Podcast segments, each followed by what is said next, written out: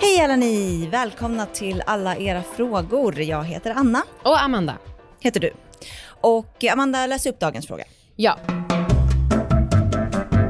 Hej! Jag har inte varit så mycket för att lyssna på poddar men hittade er för några veckor sedan och har börjat lyssna igenom alltihop. Det finns en hel del. Tycker att ni är helt fantastiska. Äsch. Jag älskar er slogan om att äga sina val och försöka leva upp till det. Jag har alltid haft ett stort komplex kring behåring, speciellt könshår. Jag har länge försökt att raka och vaxa för jag upplevde att man annars var äcklig, citationstecken.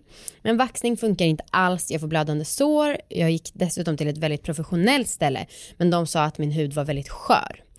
Och jag får jätteirriterade prickar vid rakning. Jag har verkligen provat allt. Så till slut bestämde jag för att skita i det och inte raka. Men då kommer vi till det verkliga problemet och antagligen också därifrån eh, komplexet kommer ifrån. Alla killar jag varit med kommenterar det här och säger rakt ut att de tycker att jag borde raka mig för att de citat föredrar helt rakade tjejer. Så som sagt, jag försöker äga mitt val att inte raka mig men det är jävligt svårt när man konstant får kommentarer. Jag har till och med skrivit en krönika som publiceras på Modett i ren frustration. Men hur kan jag finna självförtroende och självsäkerhet och fortsätta äga mina val när det konstant ifrågasätts? Tror att det är en stor underliggande anledning till varför jag har jättesvårt att komma med killar. Åh, oh, herregud. Okej, eh, jag drar några svar från internet. Vi får hoppas att de är vettiga. Okej, första fitta och röv skiter jag i. Armhålor, såvida det inte är rejäla buskar vi pratar om, om det inte är djungel. Lite hår bekommer mig inte, men det finns faktiskt gränser. Jag har sett en eller två som varit håriga till en grad att det börjar kännas obekvämt. Och så är det en annan som skriver, hellre det än en renrakad kvinna. Jag tycker om hårig mutta, hårigt anus, håriga armhålor. Dock ej mustasch och håriga ben. Det är så in i helvete osexigt. Mm. Vårt svar. Eh, fan vad det är, alltså den här internetsvaren. Mm. Det är liksom, vissa tycker då att det, det får vara håriga ben, vissa mm. tycker inte att det får vara håriga ja. ben. Det är väldigt svårt att göra rätt. Verkligen. så att det passar alla. Eh, jag, kommer, jag tänkte direkt på en gång när jag var på en klubb för några år sedan, typ tre år sedan kanske, mm. med eh, några kompisar. Och varav en kompis, hon eh, rakar sig inte under armarna. Okay. Och eh, hon höll upp, upp armarna och dansade liksom. Mm. Det blev bråk på klubben. Nej. Det blev bråk av det här. Alltså det här är så starkt. Nej men alltså och det blev liksom så jävla mycket så att den här, den här killen som blev så provocerad av hennes armhålehår, han liksom blev aggressiv. Ja. Så att vi, då mina kompisar, fick liksom börja snacka med honom och det var liksom nära på att bli slagsmål. Fy Alltså hur kan fan. det störa folk så mycket? Vet du vad jag sitter och tänker? Oh, jag blir så arg, oh, fy fan. Fast det där kommer göra att vi aldrig kommer ha en sponsor hela vårt liv. Men jag tänker så här, kör en på alla de här killarna. men det får man inte säga. Jag sa nej, aldrig det. Nej. Det... Nej. Mm. Alltså men vilka jävla idioter. Ja jag vet. Va? Alltså hur? Men Ah, jag, jag blir chockad alltså. Ah. Och dels så tänker jag så här, hur gamla är de här killarna? För visst, yngre killar kanske är lite mindre mogna och lite mer fin, mindre finkänsliga. Jag Men alltså tvärtom. det där, ja, du tänker tvärtom? Jag tänker att yngre killar är mer vana för att tänka att färre och färre yngre tjejer Ja. rakar sig. Mhm. Det är min uppfattning, jag vet inte. Eh, men eh, Fan, alltså jag är ju, jag inbillar ju mig att jag rakar mig för min egen skull. Eh, alltså verkligen, jag är ganska övertygad om den lögnen. Men så är det ju inte och jag läste något reportage om kroppsbehåring och så. Och så jag kände bara hur jag fick så här, alltså det kröp i kroppen av Ja, obehag. ja. Inte så, eller jo lite av också ser det för det är så ovant.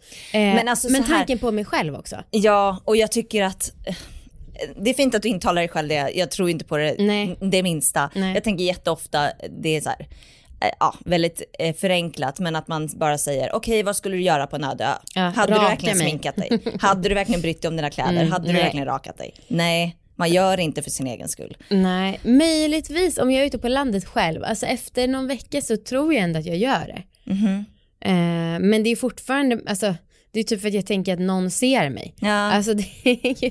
Så jävla dumt. Fy fan, jag har verkligen inget svar alltså. Nej. För just när man får de där kommentarerna, för jag tänk, jag, det givna svaret tänker jag är så här, säga, ja men vadå det finns jättemånga killar som gillar hår. Men Ja. om hon då stöter på folk som ger henne negativa kommentarer, det borde finnas något sätt att avgöra hur de här killarna är innan man går till sängs. Hur fan ska man veta det? Jag vet inte.